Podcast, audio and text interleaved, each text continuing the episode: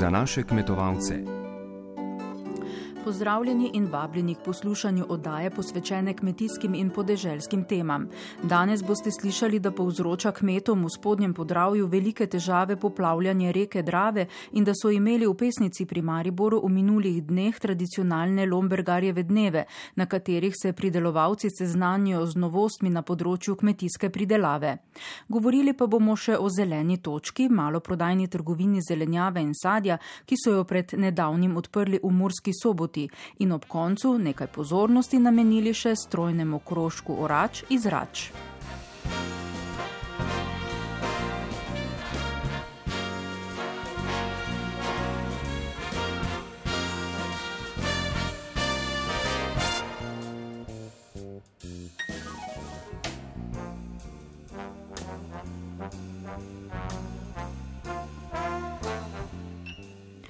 V spodnjem podravju so si kmetje in predstavniki občin in civilne inicijative proti poplavljanju Drave, ki združuje 200 članov skupaj s predstavniki lokalnih kmetijskih ustanov in Ministrstva za kmetijstvo, ogledali kmetijske površine in škodo, ki jo je sredi novembra povzročilo poplavljanje in razlivanje Drave.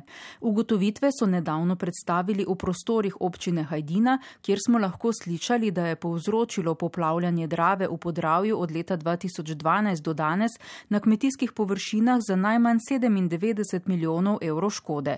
Podrobnosti pozna Gabriela Milošič. Kmetje v podravju ocenjujejo, da je novembrska povoden prizadela okoli tisoč hektarjev njiv, pol in travnikov. Trajne posledice je pustila na nekaj deset hektarjih. Ivan Brodnjak, kmet iz Hajduš, tudi kmetijski svetovalec na Ptujskem kmetijsko-kozdarskem zavodu, opisuje, kako je voda odnesla zgornjo obdelovalno prst. Njive so opustošene. Prav gotovo je nekaj kmetijskih površin, kjer je zemljišče popolnoma uničeno, tam je dejansko proti in kamenje. Eh, ki eh, ga kmalo več ne bo mogoče obdelovati. Odnese namreč rafino zemljo, eh, ostane pa kamenje in pa tiste poplavne zemljina. Težava je pa tudi v tem, ker obstaja nevarnost tudi nanosa težkih kovin, se pravi bor, mangan, celzij, druge mikro mikroelementi, ki so, oziroma težke kovine, ki so lahko tudi zelo problematične za kmetijsko predelavo. V podravju so če dalje bolj ogrožene najboljše njive in polja, opozarja predstavnik civilne inicijative kmetov Darko Dobnik iz Letoličja. E, ni vprašanje ogroženosti ene kmetije, dveh, treh, tu je vprašanje ogroženosti več tisoč hektarjev najboljših njivskih površin, tudi komasiranih. Razloge za zdaj že vsakoletne jesenske poplave Drave, direktor Kmetijsko-gozdarskega zavoda Ptuj, Andrej Rebrnišek, takole našteje. Da si je Drava zaradi nevzdrževanja začela iskati nove poti. Eh, in seveda eh, to je, to je katastrofalno in eh, res prihaja do velikih posledic se pravi škod eh, zaradi nanosa, zaradi erozije. Ne vidimo, da gre tudi za popolno degradirana zemljišča, potem, ki so včeraj še bila mogoče prvo razredna zemljišča, danes so zaradi te škode eh, de, popolnoma degradirana zemljišča. Zaradi slabega vzdrževanja, zlasti tukaj govorimo o stare struge reke Drave, z, zaradi zaraščene brežin, zaostajanja rečnega gramoza, se je bistveno zmanjšal pretok Drave in seveda kritično leto pa ocenujemo leto 2012, ko vsi vemo, da, da so bile katastrofalne poplave, se od tega leta naprej redno, skoraj če ne vsako leto, skoraj vsako drugo leto eh, javljajo poplave. V podravju jih ob tem skrbi še gradnje nasipne brežine ob Dravi na Hrvaškem, saj bo vodo še dodatno zadrževala na slovenski strani. Dejansko vidimo, da Avstrija svoje probleme rešila, eh, sedaj še edino tu ob ob meji za Slovenijo, prek Dravograda, še delajo neke nasipe. Tudi Hrvaška država je pristopila k ureditvi pretočnosti reke Drave, tu od Dravograda do središča, oziroma bolj določno od Ptuja do središča, ob Dravi pa se ne dogaja nič. Mi vsako leto, sedaj lani, dve leti nazaj so bile poplave, lani so bile poplave, letos trpimo, ne vem, rekel, milijonsko škodo in dejansko tega več ne postimo. Župan Dupleka Mitja Horvat ob tem poziva državo, naj se svojih nalog loteva bolj odgovorno. Tudi država bi morala zavedati in da bo, da bo morala iskati bolj konkretne rešitve, kot jih je do sedaj, ker že na drugem sestanku ni bilo predstavnikov vitalnih oziroma tistih glavnih predstavnikov, ki bi morali nositi vso to breme urejanja vodotokov. Denarje za urejanje Drave bi moralo biti več kot dovolj, pa je prepričan Darko Dobnik iz civilne inicijative. In dejansko denar ni problem. Problem je samo, da gospod, eh, eh, sedaj direktor Tumpej, prej je bil drugi direktor na Dravskih, nima vpliva na razdelitev tega denarja. Oni so kot družbeno odgovorno oziroma odgovorno podjetje primorani v obliki v skladu za koncesijsko pogodbo določena sredstva eh, odvajati in letno oni odvedajo poprečno 15 milijonov eh, evrov za škode, ki jo povzročajo v okolju. Ampak mi ta denar namenjamo drugam verjetno. Porihtalo se je ob Savi, porihtalo se je ob Savinje, tudi iz tega denarja, ki bi moral iti v, v ta naš predel. In žalostno je, da je naša, naša krajina tu od Boga pozabljena. Andrej Rebrnišek z Ptujskega kmetijskega zavoda dodaja. E, tako da dejansko tudi naš predlog gre v smeri, če sredstva, ki jih hidravske elektrarne vemo, da je kar nekaj teh sredstev, ki se namensko vračajo nazaj v proračun, da bi iz teh sredstev nujno morali biti sredstva za vzdrževanje, za redno vzdrževanje teh vodotokov in smo trdno prepričani, da potem teh škod ne bi bilo. Darko Dobnik iz civilne inicijative kmetov, ki ima že 200 članov, napoveduje. In sedaj, ko se je zgodil ta škodni dogodek po poplavah, so mnogi naši člani zahtevali, da se poslužimo državljanske nepokorščine, da zapremo ceste ali kako drugače opozorimo na te težave. Mi smo rekli, šli bomo še po liniji nekega mehkega boja prepričevanja in če nam to ne bo uspelo, verjamete, da se ta zima, ki se še ni začela, ne bo končala, ko bo dejansko se tu zgodil nekaj punt. Poplave Drave so med letoma 2012 in 2018 povzročile že za slabih 100 milijonov evrov škode. Kmetje opozarjajo, da bodo v primeru, če država ne bo ukrepala in jim prisluhnila, sprožili tožbe zopr odgovorne. Te že pripravljajo in svarijo, da znajo državo tožbe stati več kot celovita sanacija struge reke Drave. Kadar na njih ugasnejo se, dan se prebuja. Sonce pošilja žarke, da pozlatijo hribe polja. Rože svoj cvet odpro spet ptice bojo, le tebe še ni. Vse oživi, narava se prebudi, le tebe še ni.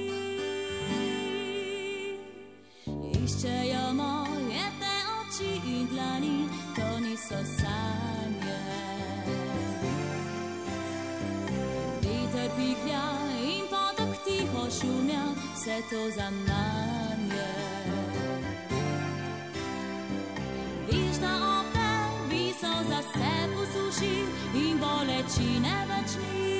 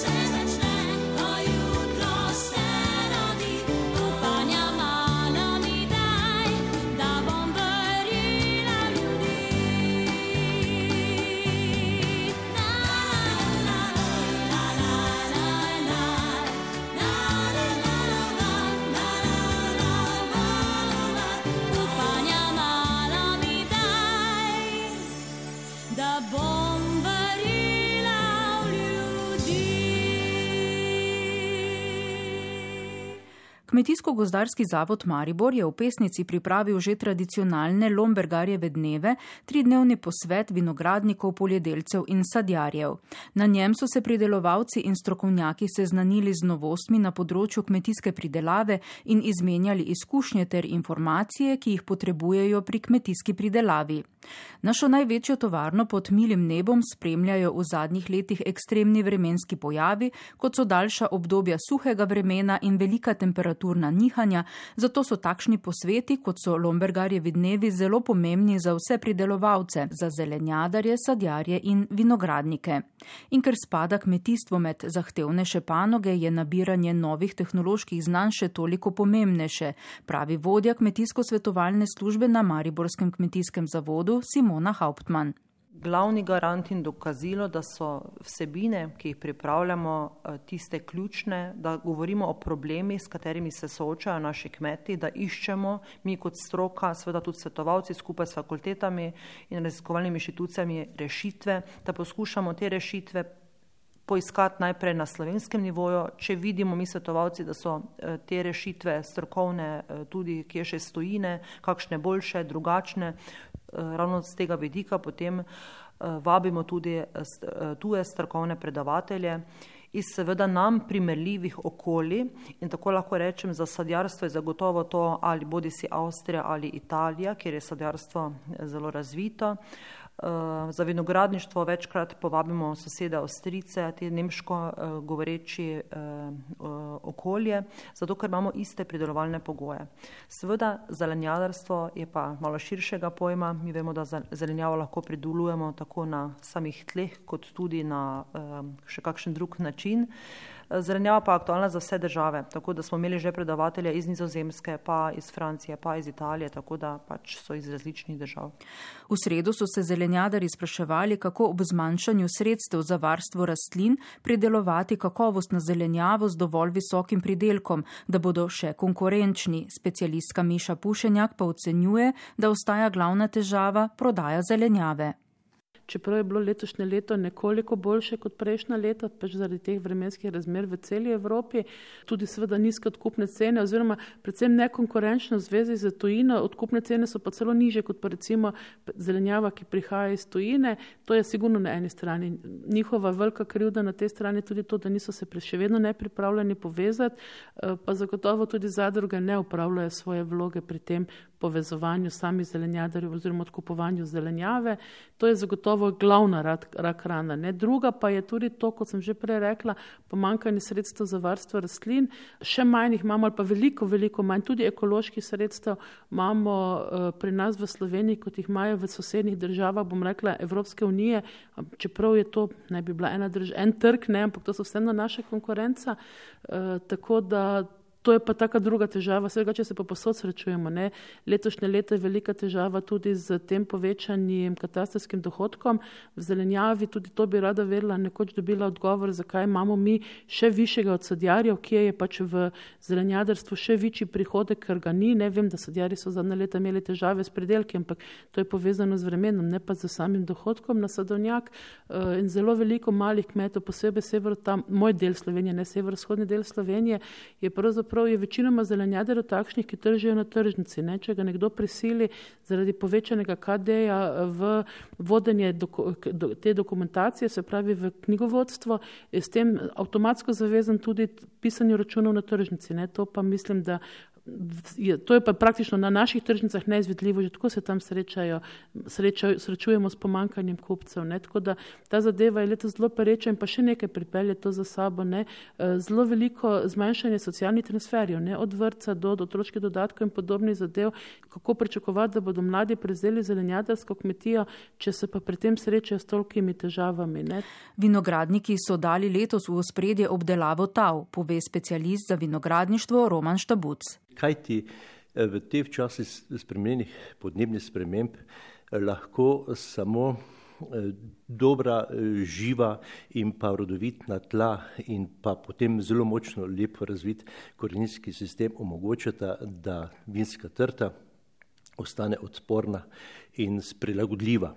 In to je pa tudi bistveno, če je ona odporna in prilagodljiva, potem imamo tudi redne količinsko bogate in predvsem kvalitetne predelke, zakaj tudi stroka deluje. Globalni trg sadjem in za domačo pridelavo sadja zelo neugodne vremenske razmere pa so glavni razlog za v zadnjem desetletju če dalje slabšo konkurenčnost slovenskih sadjarjev, izpostavlja strokovnjak za sadjarstvo z Mariborskega kmetijskega zavoda Andrej Soršak.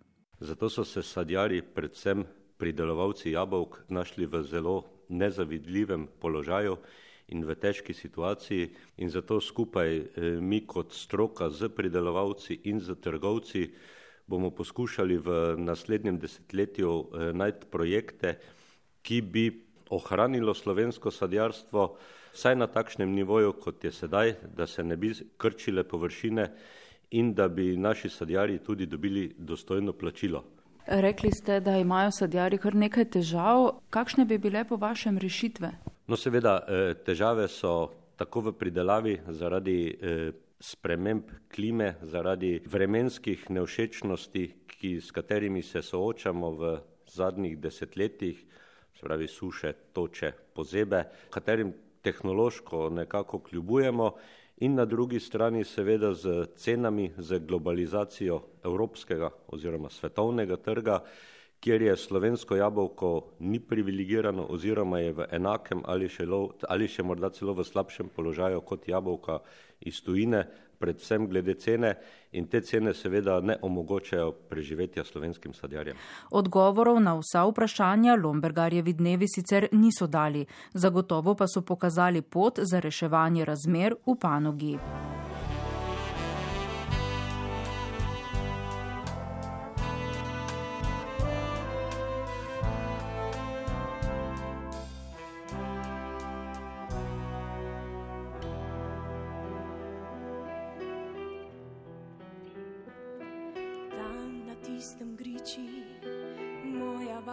Je stala, tam na svejcem prjokala. Prve sem stopine zarisala v sneg, prve šmarence nabrala. Zdaj pa tam bahajo se velike bajte,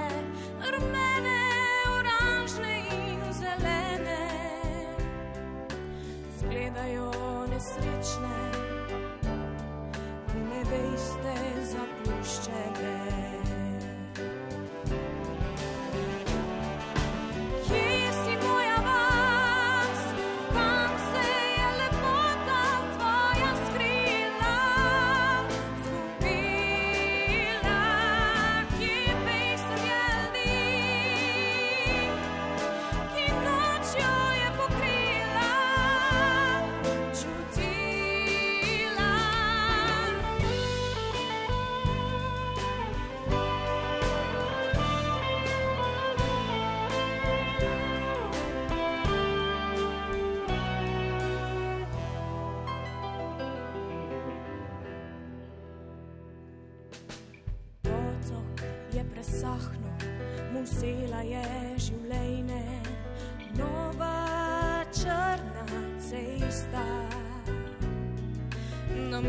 Močnejšen, rastejo ciprej se v ravne vrste posajene. V jutru petelini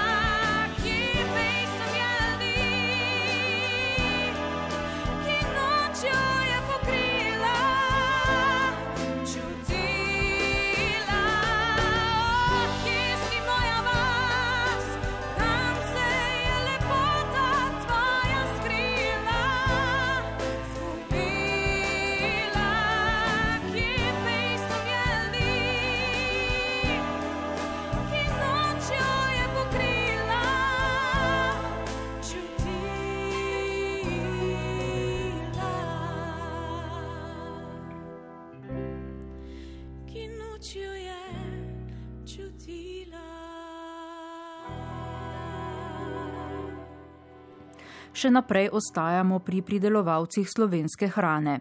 Zadruga prek murskih zelenjadarjev skupina Vrtovi Panonski je v Murski soboti pred nedavnim odprla maloprodajno trgovino Zelena točka. Kot pojasnjuje predsednik te zadruge prek murskih kmetov Denis Topolnik, so vzpostavili prodajni center, v katerem sta združeni veleprodaja in maloprodaja sveže zelenjave in sadja in izdelkov z tega območja. V bistvu se ukvarjamo z promocijo lokalne proizvodnje. E, tako v, v naši skupini, v naši skupini Zelena točka, vključujemo različne skupine e, proizvajalcev posebnih kakovosti. To je tudi slovenski med e, z zaščiteno geografsko označbo, se pravi, poleg tujskega luka zaščiteno geografsko označbo, je zelenjava iz integrirane pridelave, ekološki produkti, se pravi, schema ekoloških pridelkov in tako naprej. Koliko pridelovalcev je povezanih v to zeleno točko? V zeleno točko so v osnovi povezani zelenjadari, jih je čez 15 in preko zelene točke potem dajo na trg v osnovi lastno svojo eh, eh, zelenjavo. Eh, zato, da pa smo lahko konkurenčni čez celo leto, pa smo primorani dokupiti tudi v obdobjih, ko lastne zelenjave primankuje, smo pa primorani dokupiti iz uvoza zelenjavo in da smo s tem lahko tudi konkurenčni eh, na slovenskem trgu in zanimivi za večje odjemalce, ker eh, če želimo preživeti, moramo biti resni ne, in eh, smo, smo, pač zato smo resni in na mesec prepeljemo čez 40 ton produktov. Zakaj ste se povezali in zakaj je to povezovanje tako zelo pomembno?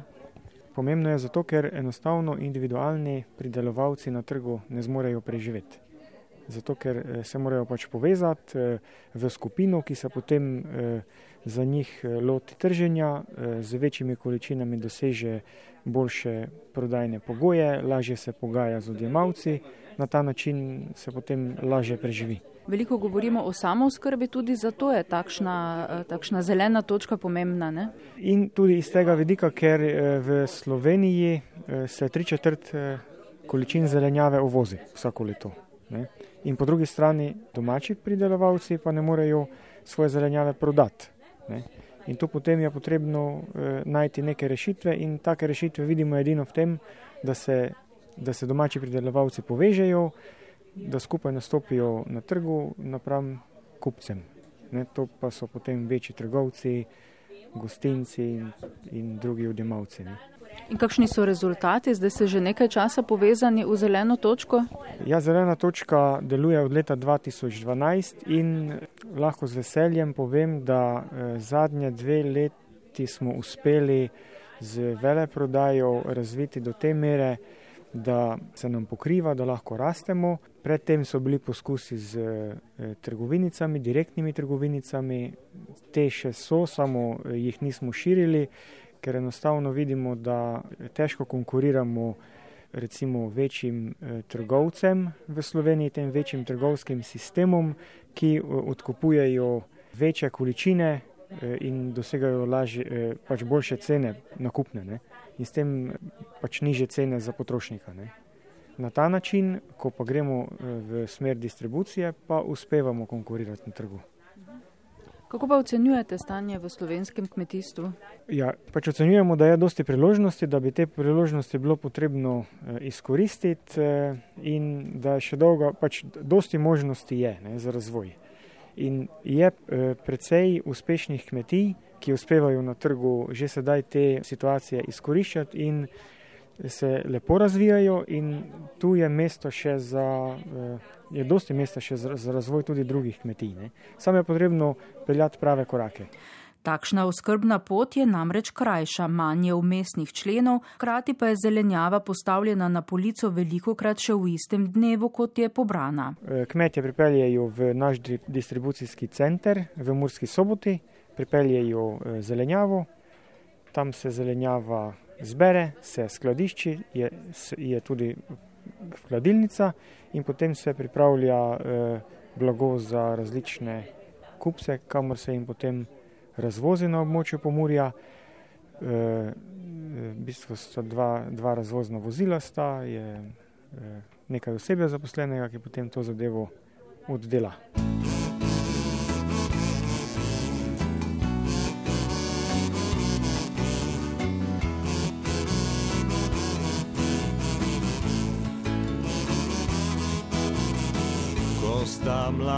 se spoznala, ima je bilo lepo. Nič se nista spraševala, kdo kaj skuhal bo. Ljubezen apetit ustavi, to ve, kdo je zaljubljen bil. Ti vse kaj drugega hodi po glavi, kot pa kaj bo zakosil.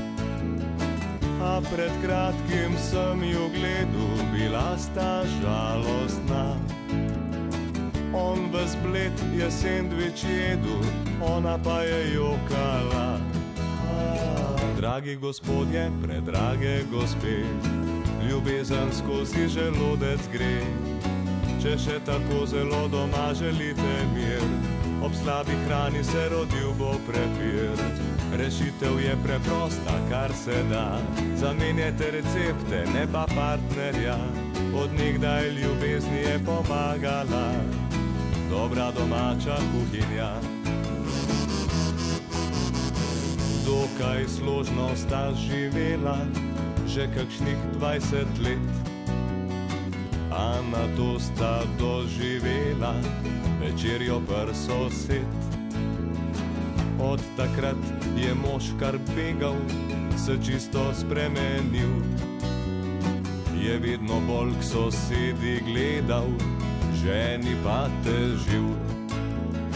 Reva je že obupvala, zaljubil se je stari kramp. Končno pa je le spoznala, da v sosedi vleče gale vamp.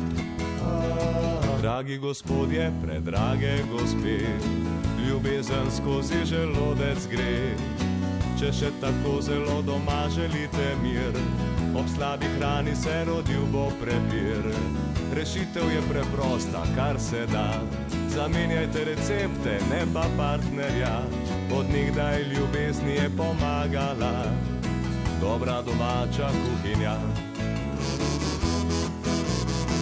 V zakonu nekako pozabiš na pozornosti, ker se na partnerja navadiš, ali pa tudi časa ni.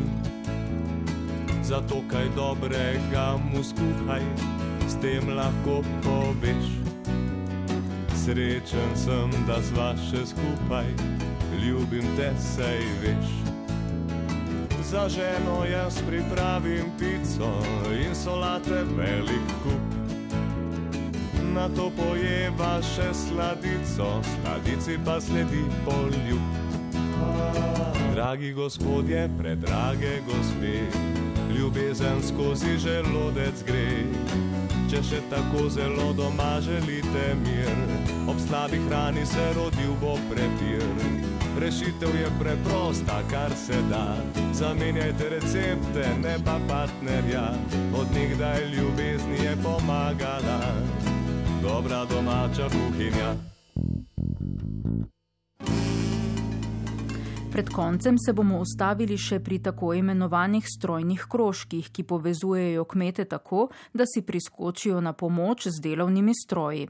Medsosedska pomoč na podeželju ni nikdar zamrla, s pojavom strojnih krožkov pa je to postalo tudi dejavnost, ki se v zadnjem času vse bolj širi in uveljavlja. Predsednik strojnega krožka Orač iz Rač, Sandi Fingušt. Prej so se kmetje združevali v strojni skupnosti, kjer je bil stroj skupna last in je vsak delal za sebe. Potem je to enostavno prišlo do tistih stren, ne, vsak ne dela enako in se začelo, da pač se ponuja strojna usluga za denar. Zato so strojni krožki nastali crka leta 1994. Takrat se je začelo formirati to zadeva in se tudi postavilo v okvir cenikov, popraševanj in vse te zadev. Tako da naš strojni krožek Orač je ustanovljen 95. leta, naslednjo leto sicer imamo 25 let delovanja. Naše članstvo niha od prvih 60 ustanovnih članov do v prvem letu že preko, krepko preko 100, tudi do 150 članov smo dosegli.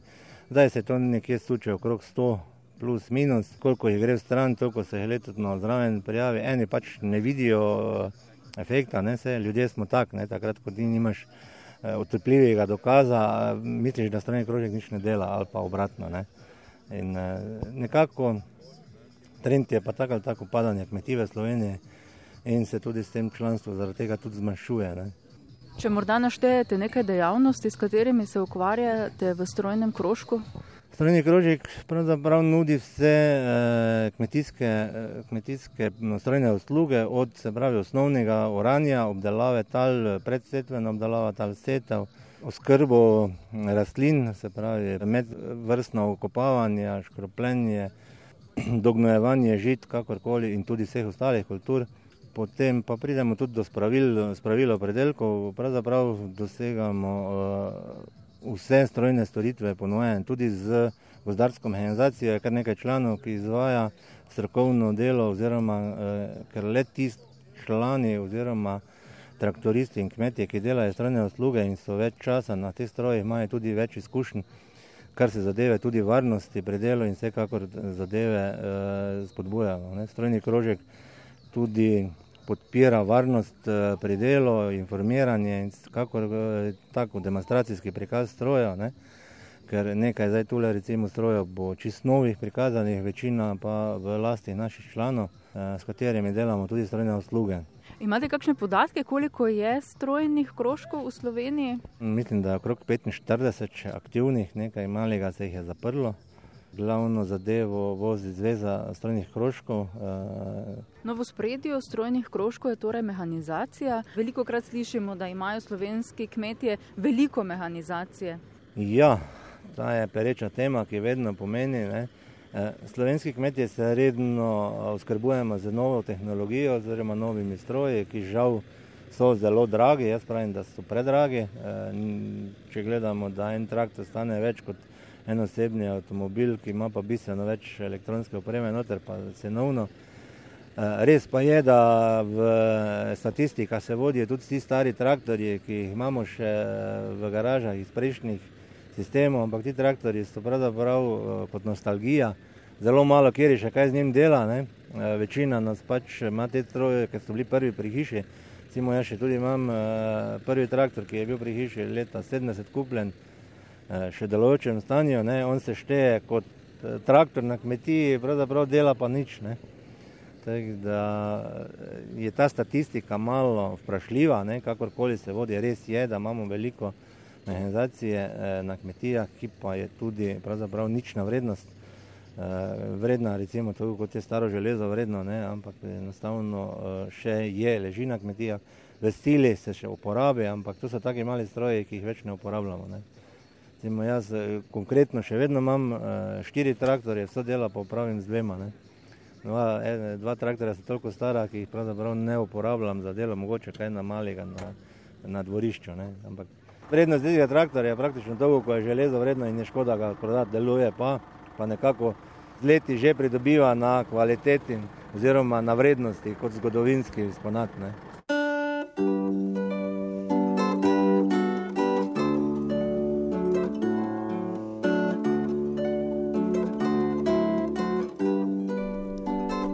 Za naše kmetovalce.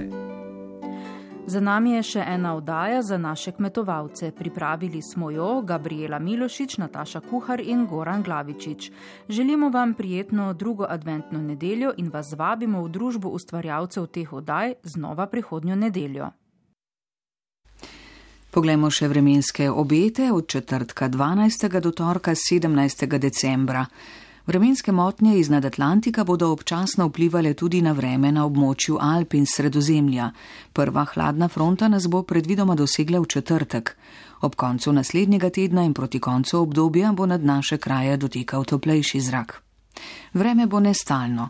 V četrtek bodo predvidoma nastajale manjše padavine, tudi po nižinah bo lahko rahlo snežilo. V petek bo nad naše kraje dotekal toplejši zrak, sneg bo verjetno prešel v dež. Več možnosti za sončno in suho vreme bo v soboto. Proti koncu obdobja se zlasti nad zahodno polovico države možnost za manjše padavine spet nekoliko poveča. Ob jugozahodnih vetrovih se bo znova otoplilo.